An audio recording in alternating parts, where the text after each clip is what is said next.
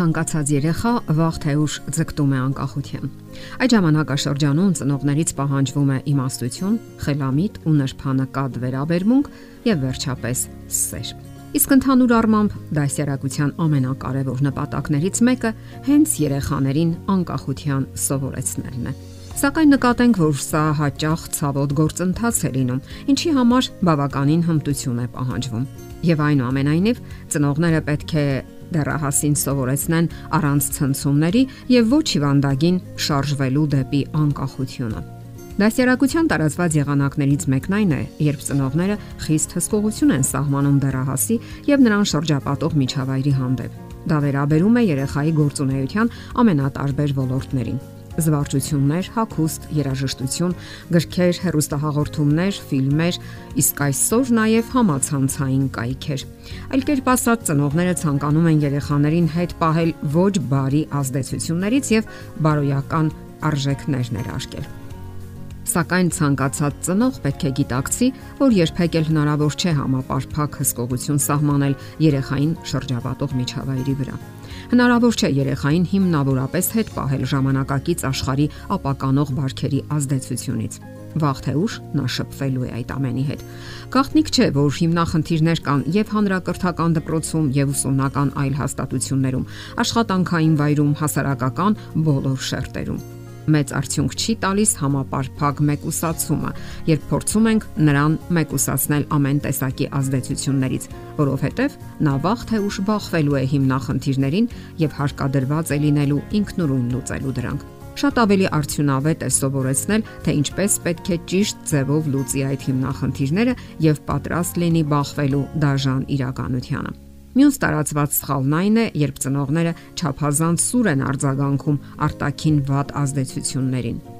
Այս դեպքում ծնողները հույս ունեն, որ այս կամ այն մարդու վատ վարքագծի եւ հասարակական սխալ երևույթների հանդեպ իրենց բուրըն բացասական վերաբերմունքով կամ հակազդեցությամբ կարող են սովորեցնել, որ երեխան խուսափի նմանատիպ արարքներից կամ երևույթներից։ Շատ ծնողներ կարող են դեռահասին համոզել, որ նա չլսի կասկածելի երաժշտություն եւ որպես կանխարգելիչ միջոց ամբողջ ժամանակ հայհոյանքներ ուղղեն տվյալ երաժշտության հասցեին։ Նկատվել է, որ այս եղանակն ավելի հաճախ հակառակ արդյունքն է տալիս։ Նման ռեժիմի դեպքում շատ դեռահասներ կտրուկ հակազդեցություն են դրսևորում եւ պարզապես չեն վստահում ծնողներին։ Եթե տանը նրանք դեռևս հարգանքի որոշ չափաբաժնով լսում են ծնողների խորհուրդները, ապա տնից դուրս հասակակիցների շրջանում լսում են հենց այն երաժշտությունը, ինչից հետ են պահել ծնողները։ Եթե ծնողները նրբանակատություն չդրսևորեն, պատանիները կարող են շատ հմտորեն եւ գաղտնի տաննել վարվել իրենց ուզած ձևով եւ բնականաբար թաքցնել իրենց արարքները։ Իսկ երբ ծնողներն ի վերջո իմանում են ճշմարտությունը, նրանց ճնշում է մեղավորության ու ցավի զգացումը Նրանց ոչ մի կերպ հանգիստ չի տալիս այն միտքը, թե ինչպես եղավ, որ իրենց սիրելի զավակը, տղան կամ աղջիկը հակվեց այն արժեքներին, որից այնպես ցանկանում էին հետ պահել իրենք։ Դեռահասներին արժեքներ եւ բարոյական չափանիշներ մատուցելու ամենահաջող եղանակը այսպես կոչված պատվաստման եղանակն է։ Սա նման է այն բանին, երբ ծնողները թույլ են տալիս պատվաստում կատարել երեխաներին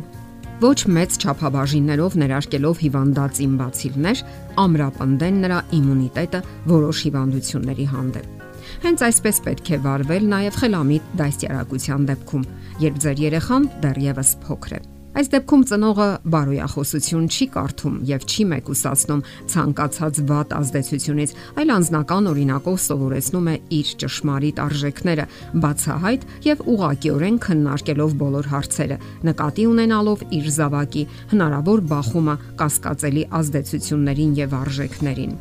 Հիմնախնդիր առաջանալու դեպքում ծնողը պետք է բոլոր հնարավոր կողմերից բացահայտ քննարկի հարցը կարծիքներ փոխանակի դեռահասի հետ երկկողմանի երկխոսության ձևով։ Նրան ուղի մեղմորեն եւ ոչ կոպիտ։ Այդպիսի ծնողը ձգտում է որքան հնարավոր է հաճախ հնարավորություն տա երիտասարդ անznավորությանը կատարելու իր ընտրությունը եւ ինքնուրույն որոշում ընդունելու։ Թեև երբեմն այդ որոշումները կարող են սխալ դուրս գալ։